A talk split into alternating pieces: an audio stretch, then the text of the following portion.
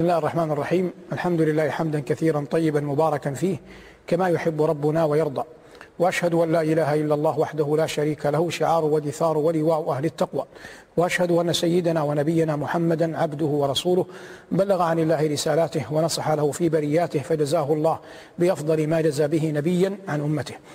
أيها المباركون هذه إطلالة جديدة من برنامجكم روح المعاني.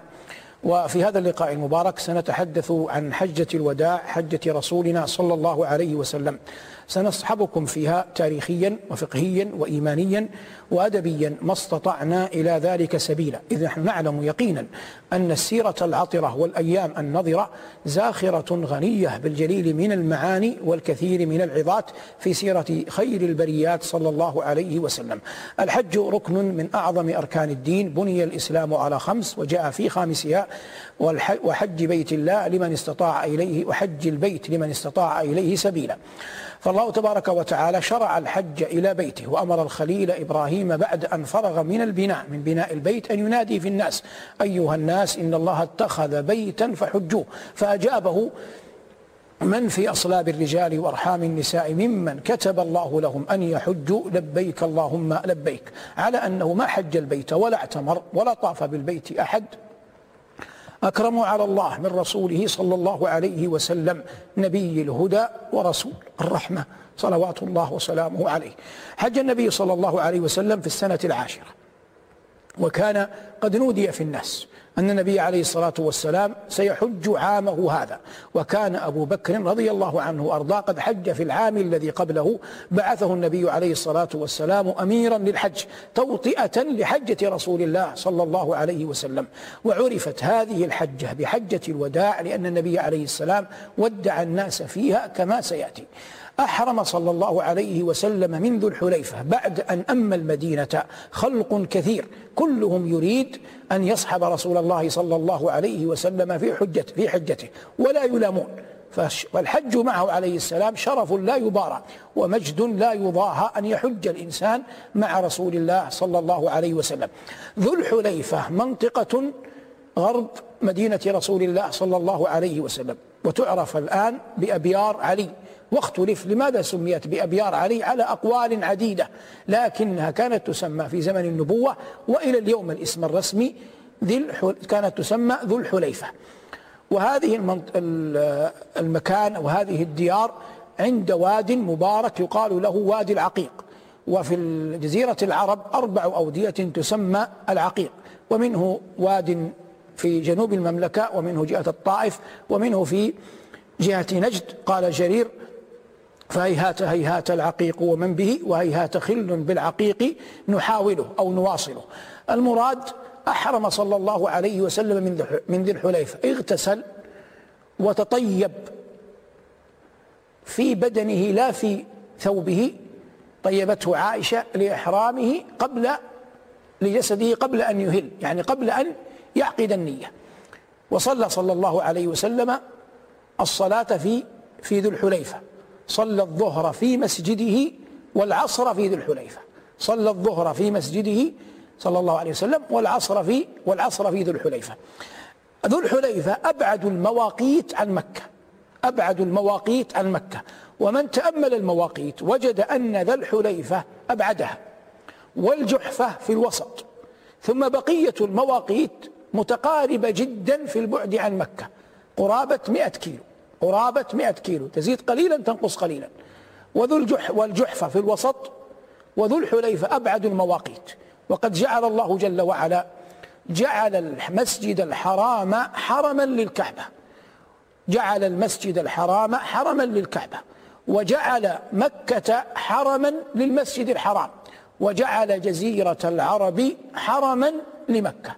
وجعل جزيرة العرب حرما حرما لمكة. والنبي صلى الله عليه وسلم أحرم من ذو الحليفة وقد قلت هي أبعد المواقيت من مكة. ولبى صلى الله عليه وسلم لبيك اللهم لبيك لبيك لا شريك لك لبيك إن الحمد والنعمة لك والملك لا شريك لك. أحرم صلوات الله وسلامه عليه في في رداء وإزار. وانبعثت به راحلته تشرف به عليه السلام المهاد والنجاد. في الطريق. كانت زمالة رسول الله صلى الله عليه وسلم وزمالة أبي بكر واحدة. وقد مرت له أحداث في طريقه منها أن أبا بكر غلام له أضاع بعيرا فأخذ يضربه أي يضرب الغلام. فقال عليه الصلاة والسلام انظروا إلى هذا المحرم يؤدب غلامه. حتى أتى صلى الله عليه وسلم مكة فلم يبدأ بشيء قبل الطواف بالبيت. فطاف صلى الله عليه وسلم بالبيت بدءا من الحجر الأسود.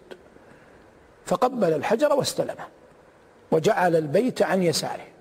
وطاف سبعا رمل في ثلاث ومشى في أربع. وهذا بالنسبة له طواف قدوم لأنه عليه الصلاة والسلام حج قارنا ساق معه مئة من الهدي. ساق معه مئة من الإبل هديا صلوات الله وسلامه عليه.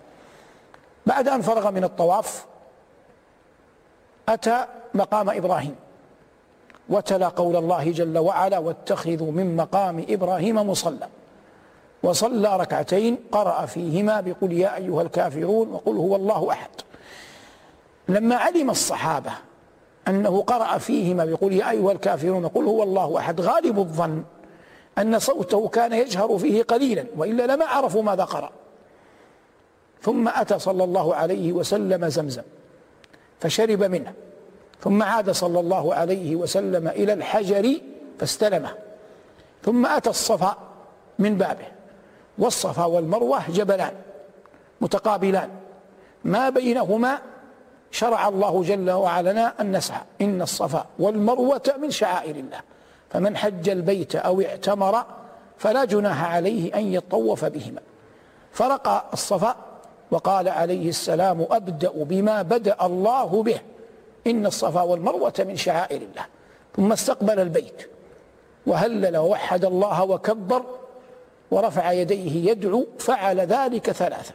ومما حفظ من قوله على الصفا وعلى المروة لا إله إلا الله وحده لا شريك له لا إله إلا الله وحده صدق وعده ونصر عبده وأعز جنده وهزم الأحزاب وحده صلوات الله وسلامه عليه.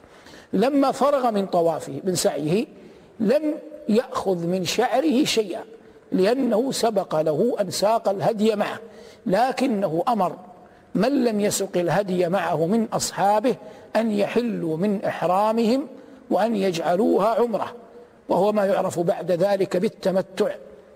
ولا أريد أن أستطرد فقهيا في القضية لكنني أبين صنيع رسول الله صلى الله عليه وسلم.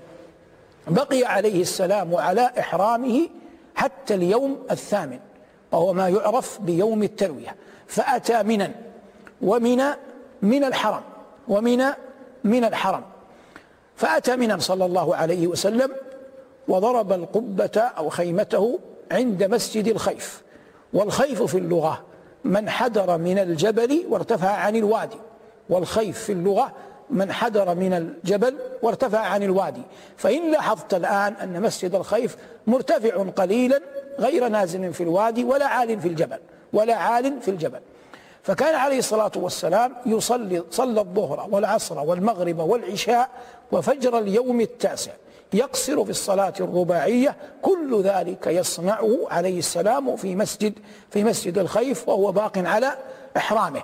من أمرهم بأن يحلوا من إحرامهم أحرموا في اليوم الثامن من أماكنهم.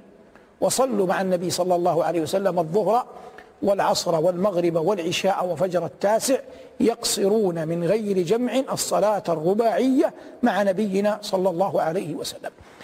بعد صلاة الفجر من اليوم التاسع الذي هو يوم عرفة بعد طلوع الشمس نفر صلى الله عليه وسلم من منى إلى إلى عرفة. فوجد القبة قد ضربت له بنمرة. فوجد القبة قد ضربت له بنمرة. فبقي صلى الله عليه وسلم في في نمرة حتى زالت الشمس. فلما زالت الشمس أتى عرنة أتى مقدمة عرفات فخطب فيهم صلى الله عليه وسلم. خطبة عظيمة بليغة حفظتها الأمة وحفظها الصحابة لنا وكانوا أكثر من مئة ألف.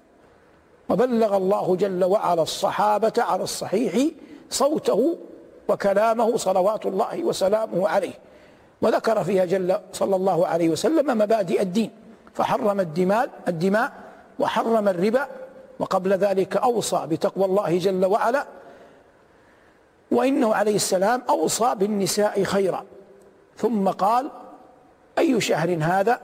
حتى ظن الصحابة أنه سيسميه بغير اسمه. فقالوا ذو الحجة. ثم قال أي يوم هذا؟ ثم قال أي بلد هذا؟ ثم قال فإن دماءكم وأموالكم وأعراضكم هذه ثلاث قابلها بثلاث حرام عليكم كحرمة يومكم هذا في شهركم هذا في بلدكم هذا أنتم في يوم حرام وفي شهر حرام وفي بلد حرام لأن ذي الحجة لأن ذا الحجة من الأشهر الحرم وهي ثلاثة سرد ذو القعدة وذو الحجة ومحرم وواحد فرد هو هو رجب. كل ذلك فعله صلى الله عليه وسلم بيانا للأمة وقياما بالواجب. ما بين كل فقرة وفقرة من خطبته كان يقول أيها الناس إنكم ستسألون عني فما أنتم قائلون. فكانوا يقولون رضوان الله عليهم نشهد أنك بلغت الرسالة ونصحت الأمة فيرفع إصبعه الطاهرة الشريفة إلى السماء ثم ينكتها إلى الأرض ويقول ألا هل بلغت اللهم فاشهد؟ ألا هل بلغت اللهم فاشهد؟ وأنزل الله عليه في ذلكم اليوم قوله جل ذكره اليوم أكملت لكم دينكم وأتممت عليكم نعمتي ورضيت لكم الإسلام دينا. لما فرغ من خطبته صلى بالناس الظهر والعصر جمع تقديم وكان ذلك اليوم يوم جمعة. ولم يصل بهم صلى الله عليه وسلم يومه ذاك صلاة الجمعة. وهذا كان على صعيد عرفة. ويوم عرفة من أكثر الأيام التي يرجى فيها إجابة الدعاء. وشرب صلى الله عليه وسلم وهو على ظهر ناقته لبنا فعلم الصحابة أنه لم يكن صائما صلوات الله وسلامه عليه. ثم أتى الموقف انبعثت به راحلته فأتى الموقف. فجعل حبل المشاة أي طريق المشاة بين يديه. واستقبل القبلة وأخذ يرفع يديه يدعو حتى غاب قرص الشمس تماما حتى غاب قرص الشمس تماما. فسقطت أثناء دعوته زمام راحلته فأخذها بيده وببقى الأخرى يرفعها وكان يرفع يديه كاستطعام المسكين صلوات الله وسلامه عليه وهو رسول رب العالمين. فلما غاب قرص الشمس تماما ترقب الناس أن ينفر عليه السلام إلى مزدلفة. فأبطأ قليلا ينتظر مولاه وحبه أسامة بن زيد. فجاءه أسامة رضي الله عنه فأردف النبي صلى الله عليه وسلم أسامة حوله. ثم نفر بعد أن غابت الشمس من عرفة إلى مزدلفة. في الطريق قال له أسامة الصلاة يا رسول الله قال الصلاة أمامك. ثم نزل في شعب من الشعاب فتوضأ وضوءا خفيفا حتى أتى مزدلفة. فلما أتى مزدلفة أمر المؤذن أن يؤذن فأذن فصلى فيها المغرب والعشاء على أقوال عدة لكن أشهرها أنه صلاها بأذان واحد وإقامتين. بأذان واحد وإقامتين صلى المغرب والعشاء جمع تأخير. ثم اضطجع ولم ينقل عنه صلوات الله وسلامه عليه كما في حديث جابر أنه أحيا تلك الليلة بصلاة وهي عند أهل الأمصار ليلة العيد. وكان هذا ليلة العاشر من ذي الحجة وهذا كله في مزدلفة. فلما أصبح صلى عليه الصلاة والسلام صلاة الفجر بغلس بغلس أي في أول وقتها صلاها في أول وقتها. ثم إنه عليه السلام أتى المشعر الحرام. فوقف عنده وقال وقفتها هنا وجمع كلها موقف. وقد وقف في عرفة من قبل وقال وقفتها هنا وعرفة كلها موقف. وقال في مزدلفة وقفتها هنا وجمع كلها موقف. يتذكر قول الله جل وعلا فإذا أفضتم من عرفات فاذكروا الله عند المشعر الحرام.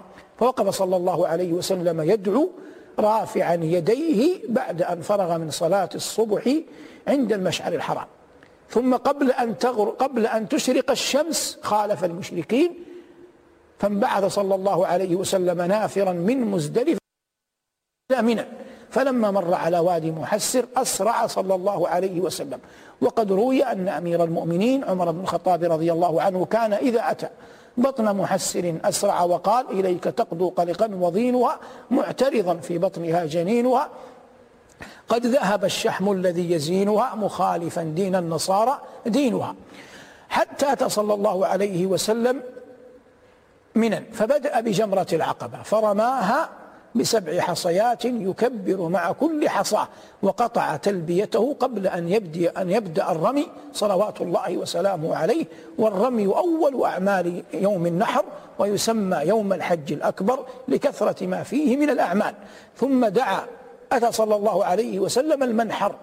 فلما أتى المنحر نحر ثلاثا وستين بيده صلوات الله وسلامه عليه. وهديه مئة وأوكل إلى علي رضي الله عنه أن يكمل الباقي. فنحر علي رضي الله عنه وأرضاه ما تبقى سبعا وعشرين سبعا ثلاثا وستين بيده فبقي سبع وثلاثين نحرها علي رضي الله تعالى عنه بيده. وقد كانت الإبل تتسابق إليه صلوات الله وسلامه عليه أيهن يبدأ بها. وهذا وهذه نياق عجموات تدعى لأن تهرق أوداجها وتفرى دماؤها تهرق دماؤها وتفرى أوداجها ومع ذلك قدمت إليه صلى الله عليه وسلم. فنحرها بيده. ثم إنه دعا الحلاق والموسى بيده. فبدأ الحلاق بحلق شعره من الجهة اليمنى أولا. فلما فرغ أعطى شعره لأبي طلحة يفرقه في الناس. يتباركون بشعره الطاهر صلوات الله وسلامه عليه. ثم لما فرغ من حلاقة شعره أتى أم المؤمنين عائشة فطيبته لحله قبل أن يطوف بالبيت. ثم أتى صلى الله عليه وسلم من منى إلى مكة فطاف بالبيت طواف الإفاضة وهو ركن الحج الأكبر الذي لا يتم الحج إلا به. قال الله تعالى وليطوفوا بالبيت العتيق. ويعرف بطواف الزيارة ويعرف بطواف الحج. ثم إنه اختلف هل صلى الظهر في مكة أو صلاها في منى؟ على قولين. وقيل إنه صلاها في مكة وصلى بأصحابه في منى. أيا كان الأمر كان ظهيرة ذلك اليوم عليه الصلاة والسلام في منى. واكتفى برمي جمرة العقبة كما بينا أول دخوله منى. ثم إنه بقي عليه الصلاة والسلام يصلي يقصر الرباعية من غير جمع. فلما كان اليوم الأول من أيام التشريق وهو الذي يسمى يوم القرب رمى صلى الله عليه وسلم بعد الزوال قبل أن يصلي. رمى بعد الزوال قبل أن يصلي بدأ بالجمرة الأولى الصغرى التي تلي مسجد الخيف. رماها بسبع حصيات. ثم أخذ صلى الله عليه وسلم ذات اليمين فأضحت الجمرة على يساره. أسهل قليلا يعني تقدم قليلا ثم رفع يديه يدعو دعاء طويلا. ثم تقدم فرمى الجمرة الوسطى بسبع حصيات يكبر مع كل حصياه مع كل حصاة ثم أخذ ذات اليسار. فكانت الجمرة على يمينه. ثم بعد ذلك وقف يدعو كما وقف يدعو في الجمرة الأولى رافعا يديه وأطال في الدعاء.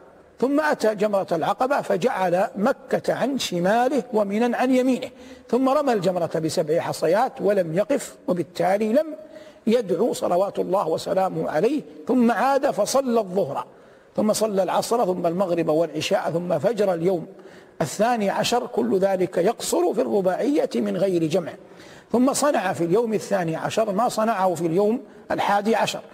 ثم لما كان اليوم الثالث عشر صلوات الله وسلامه عليه قال قبلها بليلة أي في اليوم الثاني عشر قال إن نازلون غدا في خيف بني كنانة. إن نازلون غدا في خيف بني كنانة. وخيف بني كنانة المقام الذي أو المكان الذي اعتبرت فيه قريش على أن تحاصر بني هاشم أيام البعثة في سنيها الأولى. فصلى صلى الله عليه وسلم الفجر اليوم الثالث عشر ثم بعد الزوال رمى الجمرات الثلاث. الصغرى ثم الوسطى ثم الكبرى على نحو ما رماها في اليومين الأولين. يقف عند الجمرتين الأولين يأخذ ذات اليمين فيجعل الصغرى عن يساره ويأخذ ذات الشمال فيجعل الوسطى عن يمينه ويقف وقوفا طويلا ويدعو ورمى جمرة العقبة ولم يصلي الظهر إلا في خيف بني كنانة. صلاه ركعتين ثم صلى العصر ركعتين ثم صلى المغرب والعشاء كل في وقتها قصر العشاء والمغرب على ما هي عليه. ثم اضطجع. قبيل السحر صلوات الله وسلامه عليه نزل إلى الحرم فطاف طواف الوداع قبل صلاة الفجر. فطاف طواف الوداع قبل صلاة الفجر. ثم صلى بالناس إماما صلاة الفجر ثم قفل راجعا إلى المدينة تشرف به المهاد والنجاد صلوات الله وسلامه عليه حتى دخلها عليه الصلاة والسلام.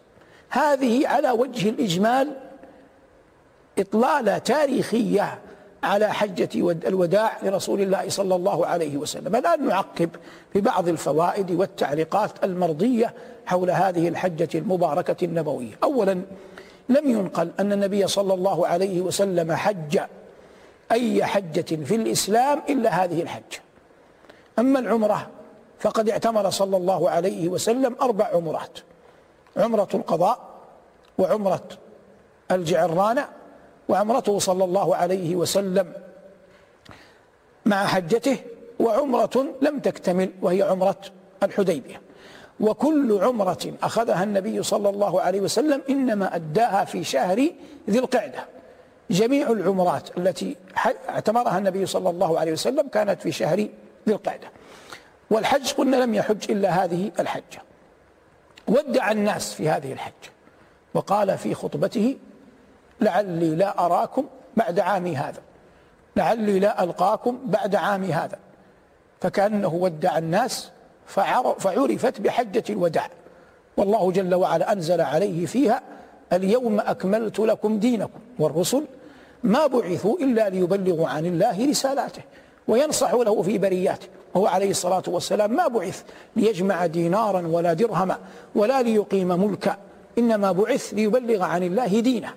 فإذا كان قد تم البلاغ بلاغ الدين وقام به عليه السلام على الوجه الأكمل فالأضحى لا حاجة بعد ذلك أن يبقى على الأرض.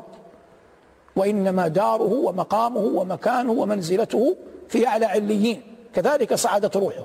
وبقي جسده في الأرض يحيى عليه السلام حياة برزخية الله أعلم بها.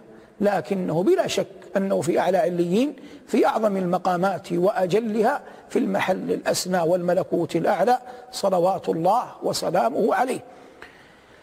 من حجة الوداع يفقه بعض أحكام الحج. حج صلى الله عليه وسلم قارنا وينبغي أن لا يختلف في هذا.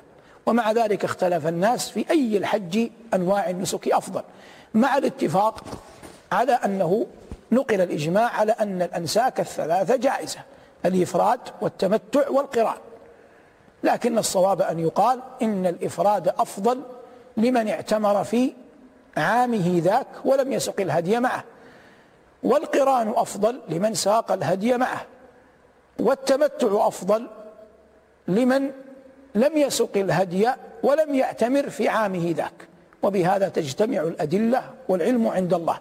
يوم عرفة من أعظم الأيام التي يستجاب فيها الدعاء وفي الحديث خير الدعاء دعاء يوم عرفة وخير ما قلت أنا والنبيون من قبلي لا إله إلا الله وحده لا شريك له له الملك وله الحمد وهو على كل شيء قدير. ومما يخطئ فيه كثير من الناس أنهم منذ أن يأتوا عرفة صباحا يجتهدوا في الدعاء والذكر والصلاة وهذا غير صواب. بل يستبقي الإنسان قوته ويخلد إلى راحته لأن الوقوف لا يبدأ إلا بعد إلا بعد الزوال. وقف النبي صلى الله عليه وسلم بعد بعد الزوال. من خرج من عرفة قبل غروب الشمس فقد أخطأ. وجمهور العلماء يرون أنه ترك واجبا وبعضهم يقول إنه لا شيء عليه. لحديث عروة بن مضرس وعروة بن مضرس قدم على النبي صلى الله عليه وسلم في مزدلفة وقال يا نبي الله إنني أتيتك من جبلي طي أي من حائل الآن وإنني أجهدت نفسي وأتعبت راحلتي ما تركت جبلا إلا وقفت عليه. فقال صلى الله عليه وسلم له ولغيره من صلى معنا في جمع صلاتنا هذه وكان قد وقف بعرفة ساعة من ليل أو نهار فقد تم حجه وقضى تفثه. فاحتج بهذا الحديث وهو عند أبي داود بسند صحيح من قال إنه لا يلزم الدم على من نفر من عرفة قبل الغروب. لكن مالك رحمه الله أبعد في هذا وقال إن من نفر قبل الغروب من عرفة فلا حج له. لكن قال ابن عبد البر رحمه الله ولا أعلم أحدا وافق أبا عبد الله في هذا وهو الصواب. أنه له حج لكن يبقى هل عليه دم أو ليس عليه دم فالجمهور وهو أحوط أن عليه دم والعلم عند الله تعالى بات صلى الله عليه وسلم في مزدلفة واختلف العلماء فقهيا مع اتفاقهم على على أنه لا بد أن يمر بمزدلفة، لكن اختلفوا في مقدار المبيت. سودة بنت زمعة رضي الله عنها وأرضاها أم المؤمنين كانت امرأة فبطة فاستأذنت النبي صلى الله عليه وسلم أن تنفر من مزدلفة عند منتصف الليل فأذن لها. من هذا قال بعض الفقهاء أنه يجوز لأمثال هؤلاء من الضعفة ومن كان تابعا لهم أن ينفر من مزدلفة عند منتصف الليل. طواف الإفاضة ركن باتفاق المسلمين ويبدأ بعد منتصف ليلة النحر ولا حد ولا توقيت لنهايته لكن الحج يبقى معلقا لأنه ركن لا يتم الحج إلا بعد الفراغ من طواف من طواف الإفاضة. طواف الوداع ليس طوافا يقصد لذاته إنما المراد أن يكون أن يكون المسلم آخر عهده بالبيت. فإذا أخر طواف الإفاضة وكان آخر نسك صنعه فإنه يندرج فيه لزاما طواف الوداع لأنه يصدق عليه أن آخر العهد كان آخر العهد كان بالبيت. أكل النبي صلى الله عليه وسلم من هديه لأن الهدي هنا هدي قران وكذلك يؤكل من هدي التمتع. أما الفدية التي ينحرها الإنسان جزاء تقصير وقع فيه فهذه التي لا يطعم منها. أما الهدي إذا كان هدي تمتع أو هدي قران أو أهداه للبيت وهو مفرد لا يلزمه فهذا كله يجوز للإنسان أن يطعم أن يطعم منه. عليه الصلاة والسلام أردف أسامة بن زيد وهو ينفر من من من من عرفة إلى مزدلفة. أما صبيحة يوم النحر فإنه أردف الفضل بن عباس والفضل بن عباس كان وسيما رضوان الله تعالى عليه وهو أحد من يشبهون النبي صلى الله عليه وسلم. وقد قيل إن الذين يشبهون النبي عليه الصلاة والسلام في هيئته الخلقية خمسة من آل بيته. جعفر وأظنه أشد الناس شبها بالنبي صلى الله عليه وسلم لقوله عليه الصلاة والسلام عنه أشبهت خلقي وخلقي. والحسن بن علي رضي الله تعالى عنه صبته وقثم والفضل ابن العباس بن عبد المطلب وأبو سفيان ابن الحارث ابن عم رسول الله صلى الله عليه وسلم وأخوه من الرضاعة. فهؤلاء الخمسة المباركون من أصحاب النبي صلى الله عليه وسلم وأبناء عمه. هم أكثر الناس شبها بالنبي صلى الله عليه وسلم ولعلنا نخصص حلقة عن عن سيرتهم بإذن الله تعالى. في حجة الوداع بين النبي صلى الله عليه وسلم قضية الربا وأنه محرم. وقال عليه الصلاة والسلام ألا وإن ربا الجاهلية موضوع والربا عياذ بالعياذا بالله من أخبث الكسب والربا عياذا بالله من أخبث الكسب. وقد سماه الله جل وعلا حربا. والنبي عليه الصلاة والسلام في يومه ذا قال ألا وإن ربا الجاهلية موضوع. حتى يبين عظيم جرم أكل أموال الناس عن طريق عن طريق الربا. وقد ويروى تاريخيا وفقهيا في المدينة أن رجلا رأى رجلا يشرب خمرا ثم أخذ يهذي يقول كلاما قبيحا فقال الرائي لمن رآه يشرب خمرا؟ قال امرأتي طالق إن دخل جوف ابن آدم شيء أشد من الخمر أو أخبث من الخمر. ثم ذهب إلى مالك رحمه الله وهو يومئذ يقال لا يفتى مالك في المدينة يسأله. فقال له أبو عبد الله أي مالك؟ أمهني يوما يومين ثلاثة ثم جاءه بعد ثلاث. فقال مالك للسائل لقد قرأت القرآن وتأملت السنة فوجدت ما دخل جوف ابن آدم شيء أعظم من الربا وأمره أن يفارق زوجته وأمره أن يفارق زوجته. قال يا هذا امرأتك طارق فقد تأملت الكتاب والسنة. فما وجدت شيئا دخل ابن جوف ابن آدم أعظم من الربا. قال الله جل وعلا فأذنوا بحرب من الله ورسوله. في حجة الوداع طاف صلى الله عليه وسلم بالبيت. ولم ينقل شيء من دعائه عليه السلام إلا ما كان ما بين الركنين. كان يكثر أن يقول ربنا آتنا في الدنيا حسنة وفي الآخرة حسنة. لم يكن الرمل منه عليه السلام إلا في طواف القدوم. وهو أول طواف للإنسان إذا أقبل على البيت. أما في طواف الإفاضة وطواف الوداع فلم ينقل عنه هذا صلوات الله وسلامه عليه فيكون الرمل سنة مختصة بطوافك حال طواف حال طواف القدوم. هذا الطواف وقع في حقه صلى الله عليه وسلم سنة ويقع في حق المتمتع ركنا لعمرته ركنا لعمرته. وقد بينا في دروس سلفت أن الطواف يقع على أضرب ثلاث يقع ركنا وهو طواف الإفاضة ويقع واجبا وهو طواف الوداع عند الجمهور ويقع سنة وهو طواف القدوم لمن لم يكن لمن لم يكن متمتعا. قفل صلى الله عليه وسلم بعد طواف الوداع راجعا إلى المدينة ولم يمكث في مكة بعد فراغه من نسكه ولا ساعة من نهار بل عاد عليه الصلاة والسلام إلى مدينته. وهذا يدل على اشتياقه صلوات الله وسلامه عليه إلى المدينة. ولما أقبل عليها قال آئبون تائبون عابدون ساجدون لربنا حامدون. ولما رأى جدرانها قال هذه أرواح طيبة هذه أرواح طيبة. وقد قلنا كثيرا أحسن من قال أتيتك ماشيا ووددت أني ملكت سواد عيني أم تطيه وما لي لا أسير على المآقي إلى بلد رسول الله فيه صلوات الله وسلامه وسلامه عليه. ممن حج مع النبي صلى الله عليه وسلم حجة الوداع أبو بكر رضي الله تعالى عنه وقد بينا أن زمالته كانت مع زمالة, زمالة أبي بكر وزمالة رسول الله صلى الله عليه وسلم واحدة. ممن حج من المشاهير أسماء بنت أبي بكر رضي الله تعالى عنها وقد نفست في ذي الحليفة وقت إحرامها فأمرها النبي صلى الله عليه وسلم أن تغتسل وولدت في ذي الحليفة ابنها محمد ابن أبي بكر وأسماء رضي الله عنها تزوجها أبو بكر بعد أن مات عنها زوجها جعفر بن أبي طالب فأنجبت محمدا ابن أبي بكر في ذو الحليفة وهي ذاهبة إلى الحج حجة الوداع.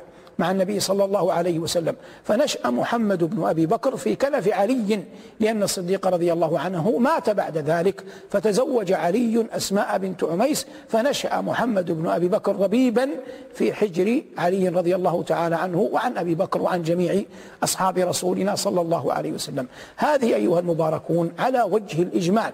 حجة الوداع حجة رسولنا صلى الله عليه وسلم ونحن نعلم أنه والله ما طاف بالبيت أحد ولا حج ولا ولا اعتمر أكرم على الله من رسولنا صلوات الله وسلامه عليه التأسي بهديه والإقتفاء لأثره واللزوم لسنته والاتباع لملته.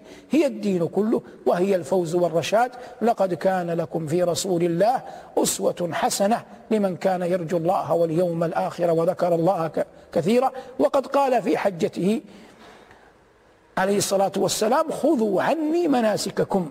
ولا ريب أن أخذت أن الأمة أخذت النبي عليه السلام المناسك. لكن الاختلاف في بعض الجزئيات هذا اختلاف في الفروع واختلاف في فهم النص لأن اللغة واسعة وبعض الأحوال النبوية يمكن قراءتها أكثر من قراءة فلا يثرب على إمام والمستفتي على دين مفتيه وكلهم من رسول الله ملتمس غرفا من البحر أو رشفا من الديم. هذا ما تيسر إراده وتهيأ إعداده وأعان الله على قوله حول حجة نبينا صلوات الله وسلامه عليه والله المستعان وعليه البلاغ وصلى الله على محمد وآله والحمد لله رب العالمين والسلام عليكم ورحمة الله وبركاته.